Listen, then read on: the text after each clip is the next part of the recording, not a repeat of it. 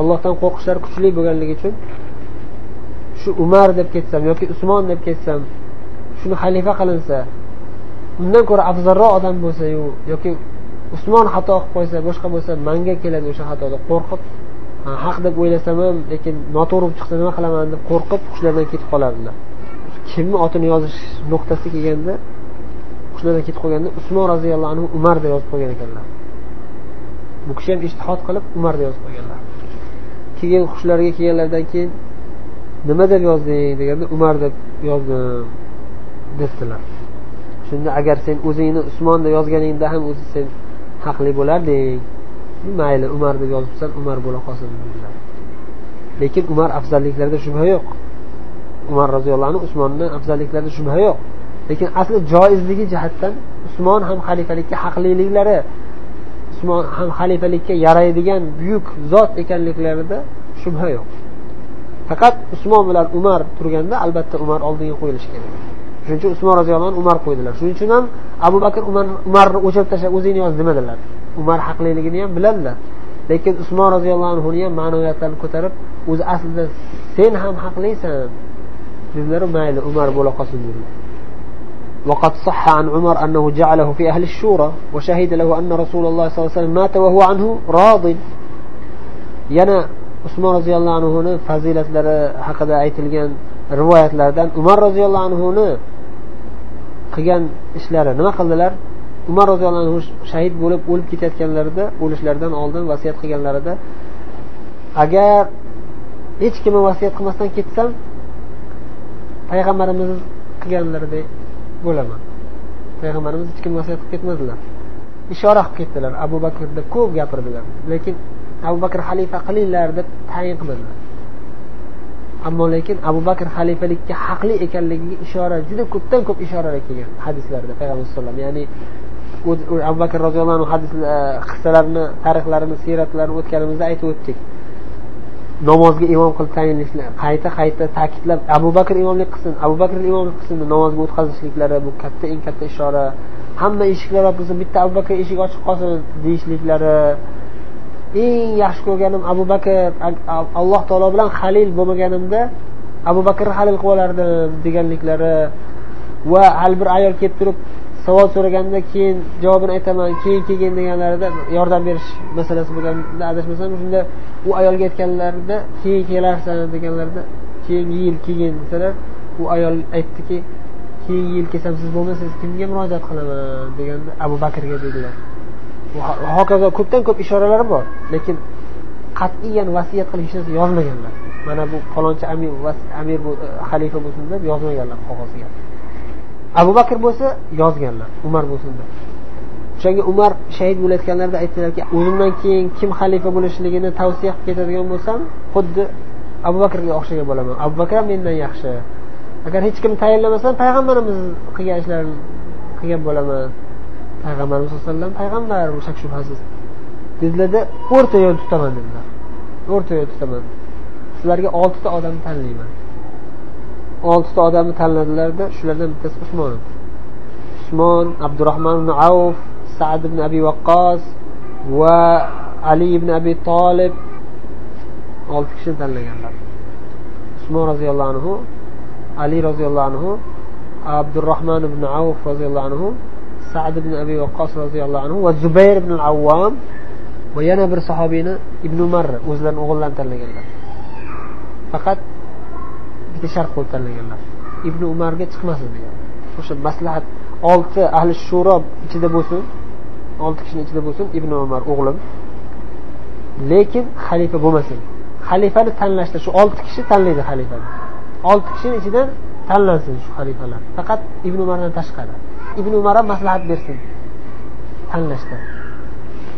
Deganlar va o'zlarini narigi said ibn zayd degan jiyanlarini chiqarib tashlaganlar said ibn ham o'nta ashar mubashsharinlardan u eng ulug' u ham ahli shuroga kirsa bo'ladi lekin kirmay qo'yaversa man qarindoshlik yetadi bo'ldi bitta oiladan bitta xalifa bo'ldi yetadi shuni. Mas'uliyat katta bu. Said zayd ham xalifa bo'lmasin ibn umar ham xalifa bo'lmasin dedilarda ibn umar maslahatchi bo'lsin xolos. Deb o'zidan o'g'illarini maslahatchi sifatida olti ahli shuroga kirgizdilar. Shu bilan shahid bo'lib ketdilar. Payg'ambarimiz vafot qilganlarida shulardan hammasidan rozi bo'lib vafot qilganlar chunki bitta hadisda o'nta sahobiyni ketma ket zikr qilib aytganlar abu bakr fil janna va umar fil janna va usmon fil janna va ali fil janna وأبو عبيدة في الجنة وعبد الرحمن بن عوف في الجنة وسعيد بن زيد في الجنة وسعد بن أبي وقاص في الجنة والزبير بن عوام في الجنة وطلحة في الجنة degan hammalarini jannatiyda aytganlar. Tolha esdan chiqib turgan ekan tolha roziyallohu anhu bilan oltita. Shu oltitadan bittasini xalifa tanlanglar dedilar va tanlashda ibn umar ahli shuroga kirsin ibn umarni maslahatini olinglar dedilar. Demak mana shu ham usmon roziyallohu anhu buyuk fazilatliklari haqida e, u kishi haqida aytilgan buyuk e, maqtovlaridan biri. Usmonni tanlashliklari usmondan ham alloh rasululloh rozi vafot qilganlar deyishliklari demak buyuk umar roziyallohu anhuning guvohliklari bu ham وعن مطرف رضي الله رحمه الله مطرف بن عبد الله رحمه الله قال لقيت عليا عليه السلام أو رضي الله عنه فقال لي يا أبا عبد الله ما بطأ بك عنا أحب عثمان أما لئن قلت ذاك لقد كان أوصلنا للرحم وأتقانا للرب تعالى mutarrif ibn abdullah shexir roziyallohu rahimaulloh bu kishi juda ham buyuk tobeinlardan duolari mustajab bo'lgan tobeinlardan shu kishi aytyaptilar ali roziyallohu anhu bilan uchrashdim. Uchrashganimda menga aytdilarki ey abu abdullah ya'ni mutarrif kunyalari ya abu abdullah nima uchun siz bizga kam keladigan bo'lib qoldingiz? Usmonni yaxshi ko'rganligingiz uchun man usmondek bo'lolmaganligim uchun manga kam keladigan bo'lib qoldingizmi? Usmonni muhabbati sizni bizni oldimizga kelishdan to'sayaptimi dedilar. Ya'ni usmon shahid bo'lib ketganlaridan keyin ali xalifa bo'lib turgan paytlari. Ya'ni man usmon ya'ni aytmoqchilarki man usmon usmon roziyallohu anhu darajasiga yetolmaganligim uchun sizlar ko'nglinglar bo'lmasdan kam keladigan bo'lib qoldinglar shekilli agar shunday desanglar ham to'g'ri aytgan bo'lasizlar. Darhaqiqat usmon bizni ichimizda siylay rahmni eng mukammal bajaradigan usmon edi qarindosh urug'larga haq huquqlarini mukammal suratda ado etib siylay rahm qilishda eng yaxshi odam usmon edi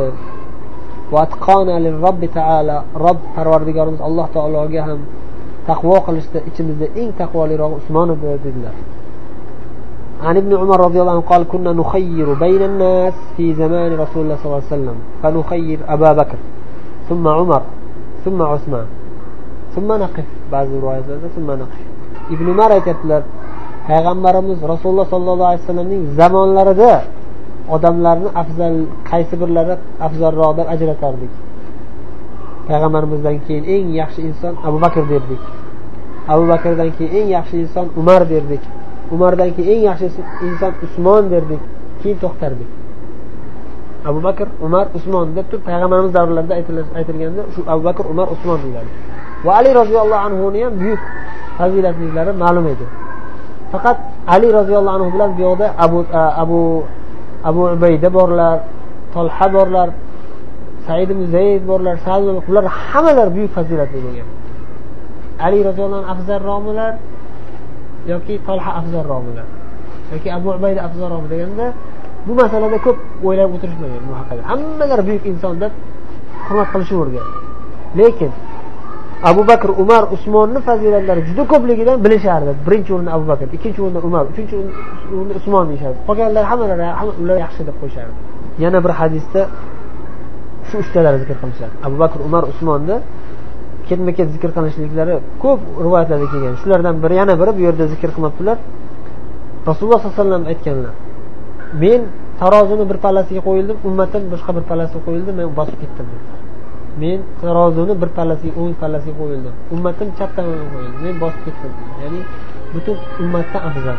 Payg'ambar alayhivasallam nechidir milliard musulmon bo'lsa hammasidan ulug' inson payg'ambarimiz keyin aytadilar keyin abu bakr tarozini bir pallasiga qo'yildi bu pallasiga ummat qo'yildi ichida men yo'qman. Ya'ni mendan boshqa hamma musulmon ummat islom ummati qo'yildi. Mendan tashqari bir tomonga qo'yilishdi hammalari. Bu tomonga abu bakr qo'yildi. Abu bakr bosib ketdi. Abu bakr roziyallohu anhu fazilatlari butun islom ummatidan afzal. Ichida umar ham bor usmon ham bor hammasidan afzal. Faqat payg'ambarimizdan tashqari. Keyin umar qo'yildi. Umar ham bosib ketdi. Butun islom ummatidan afzal umar o'zi. Faqat payg'ambarimizdan abu bakrdan tashqari.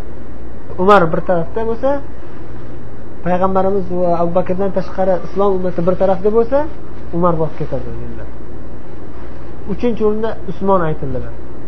Usmon bir pallaga qo'yildi bu yoqqa islom ummati qo'yildi. Shunda barobar bo'lishdi.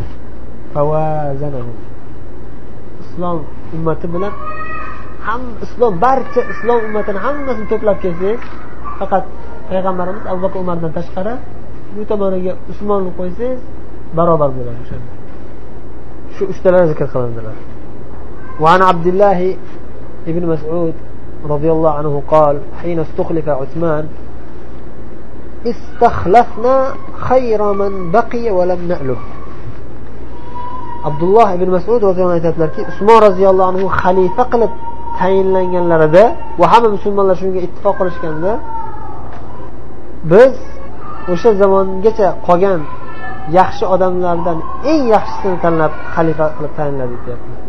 O'sha paytda eng yaxshi odam shu usmon edi. Shu eng yaxshi odamni xalifa qilib tayinladik abu bakr va umar vafot qilib ketganlaridan keyin eng yaxshi qolgan odam shu usmon edi. Shuning uchun usmonni xalifa qilib tayinladik ya'ni bu sohada bizdan kamchilik o'tmadi qo'limizdan kelgancha ichimizdan eng yaxshi odamni tanlab shu usmonni tanlab shuni xalifa qildik qo'limizdan kelgancha harakat qildik hech qanday kamchilik o'tmadi bizdan alhamdulillah deb hamsano aytib ya'ni aytyaptilarki ichimizdan eng yaxshisini topib shu usmonni xalifa qildik usmondan ko'ra afzalroq yaxshi odamimiz yo'q edi وعن ابن عمر رضي الله عنهما قال في قوله تعالى أمن هو قانت آناء الليل ساجدا وقائما يحذر الآخرة ويرجو رحمة ربه kim yaxshiroq deb turib alloh taolo qur'onda kechalari tahajjudlar bilan qoyim bo'lib sajdalar qilib tahajjud bilan qiyomlayl bilan oxiratdan qo'rqib ibodat qilib parvardigorining rahmatini umid qilib ibodat qilgan odam yaxshiroqmi yoki fosiqlarmi kofirlarmi deb turib alloh taolo zikr qilganda ya'ni shu o'zini mo'min va ibodatli tahajjudlar o'qiydigan oxiratdan qo'rqadigan jannatni umid qiladigan odamni maqtaganda shu oyat kim haqida nozil bo'lgan sababi nuzul oyatni nozil bo'lishlik sababi kim deganda usmon degan ekanlar ibn umar roziyallohu anhu وحشرنا في زمرته وأماتنا على سنته ومحبته deb tugatyaptilar shu Usmon roziyallohu anhu jamoati bilan birga tiriltirsin alloh taolo hammamizni va usmon roziyallohu anhuning sunnati va shu kishini muhabbati bilan vafot qilsin alloh taolo hammamizni deyaptilar ya'ni usmon roziyallohu anhu va boshqa sahobiylar barchalari.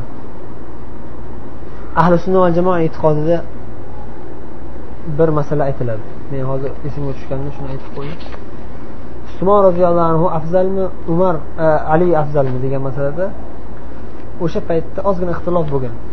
Keyin ittifoq qilishgan.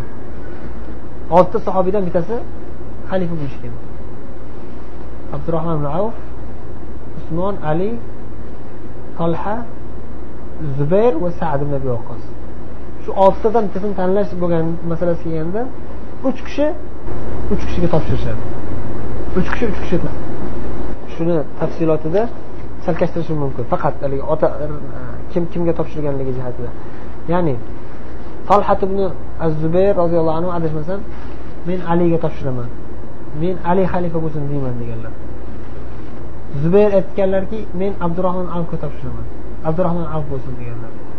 Sad ibn vaqqos aytganlarki men usmonga topshiraman. Usmon xalifa bo'lsin deganlar. Shunda kim qoladi? Uch kishi qoladi. Abdurahmon avf abdurahmon avf usmon roziyallohu anhu ali qoladilar. Uch kishi qoldi. Qolgan uch kishi topshirishdi uch kishiga. Men bo'lmayman. Man xalifa bo'lmayman. Siz zubayr aytyaptilar e, siz e, usmon siz bo'la qoling. Tolha aytyaptilar man bo'lmayman aliga topshiraman ali siz bo'la qoling deyaptilar.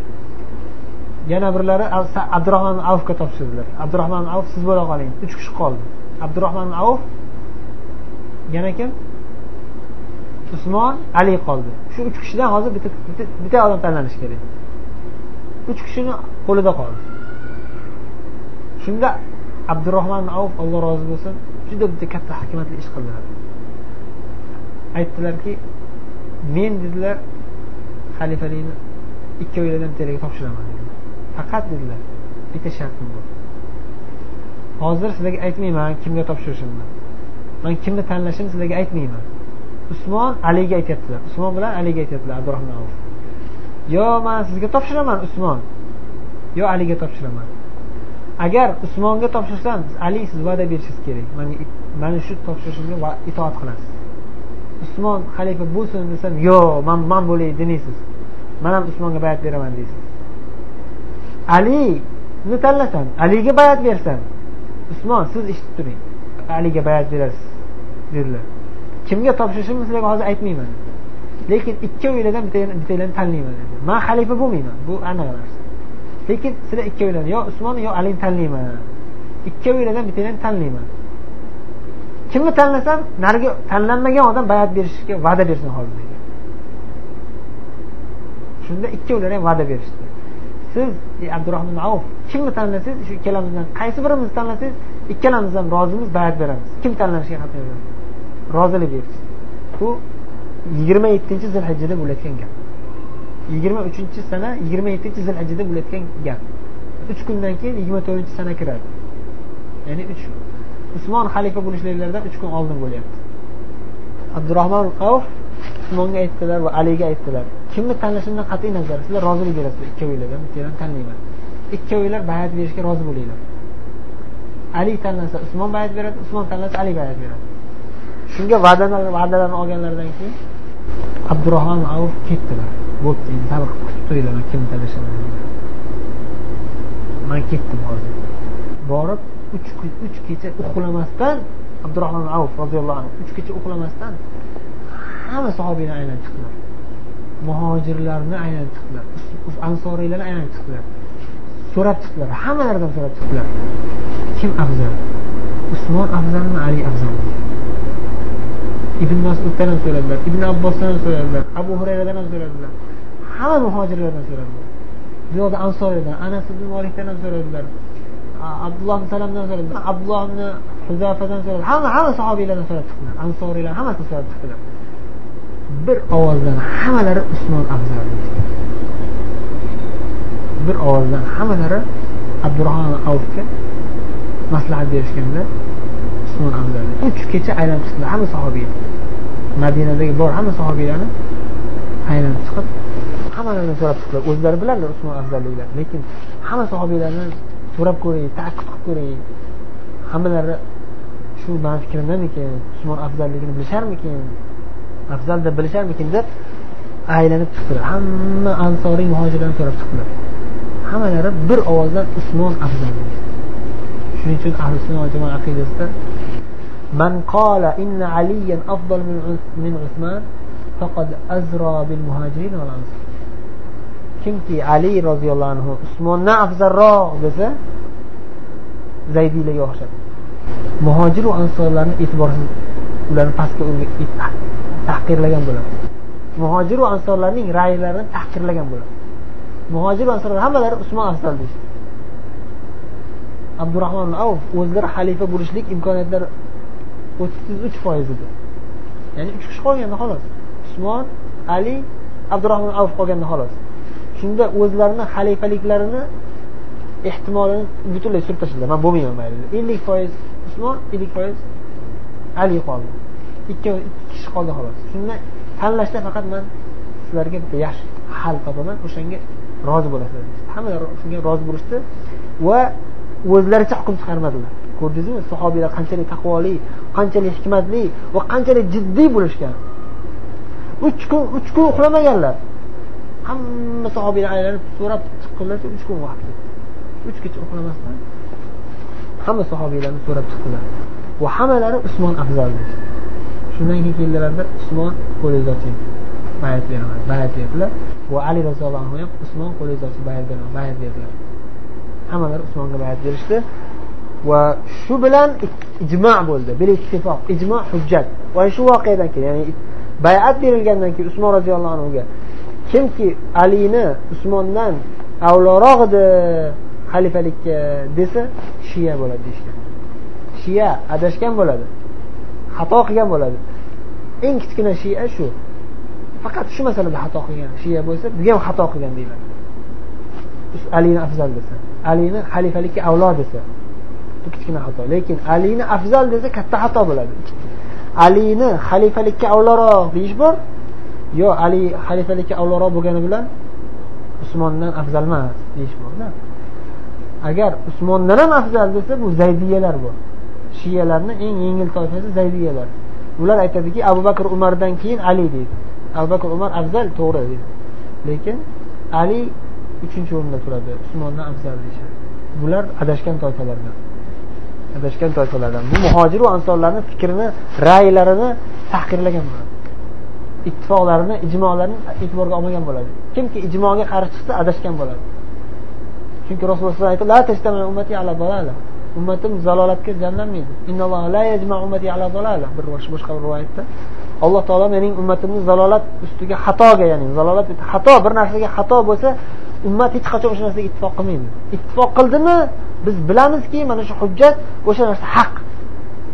Ummat ya'ni sahoba ikromlar birinchi o'rinda. Qaysi bir narsalarga ittifoq qilishsa albatta o'sha narsa haqiqat bo'ladi. Bunda shak shubha qilmaymiz. O'shaning uchun ijmo al ittifoq uchinchi manba. Birinchi manba qur'oni karim ikkinchi manba hadis sharif. Uchinchisi ijmo. Ijmo qilingandan keyin o'sha narsa haqiqatligi aniq ayon bo'ladi. Va hech qachon ijmo qilinmaydi illo qur'on qur'oni hadisda bir necha hujjatlar bo'ladi. Faqat ochiq bo'lmasligi mumkin. Hammaga ham ravshan bo'lavermasligi mumkin. O'shaning uchun ijmo hujjat deyiladi. Qur'oni hadisdan tushunolmagan odamlar ijmoni bilib ko'rib tan olib taslim bo'ladi. Ijmo qilgan ulamolar esa qur'on hadisdan tushunib ijmo qilishgan bo'ladi. O'zi usuliy masala bu. Usul fiqda o'tiladi. Ijmo bo'lmaydi o'zi aslida qur'on hadisdan dalil bo'lmasa. Qur'on hadisdan dalil bor lekin hamma ham tushunavermasligi mumkin. Buni sahoba ikromlar tushunishadi buyuk tobeinlar tushunishadi buyuk ulamolar tushunishadida tushunib turib bir masala mana shu bu masaladagi hukm mana bunday deyishadi. Va tasodifiy kelishib olingan holda emas tasodifiy hammalari bir xil qavl aytishadi.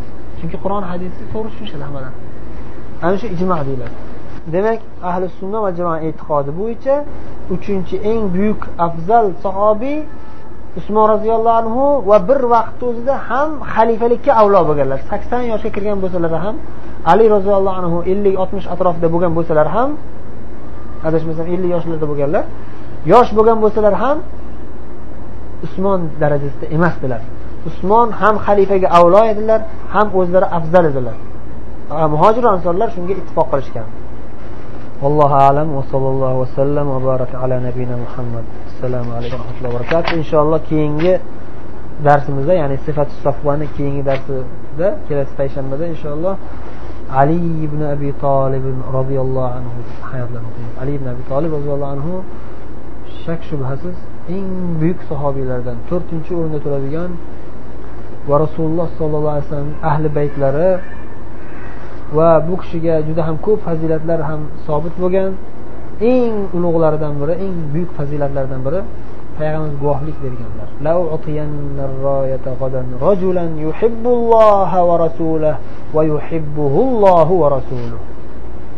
Ertaga men bayroqni bir insonga beraman. U insonni olloh va rasuli yaxshi ko'radi. va u inson ham olloh va rasulini yaxshi ko'radi dedilarda ertaga erta bo'lganda aliga topshirdilar bayroq mana shu olloh va rasuli u insonni yaxshi ko'radi deb guvohlik berishlari bu juda ham katta fazilat roziyallohu anhu inshaalloh keyingi darsda shuni hayotlarini o'qiymiz سبحانك اللهم وبحمدك نشهد أن لا إله إلا أنت نستغفرك ونتوب إليك السلام عليكم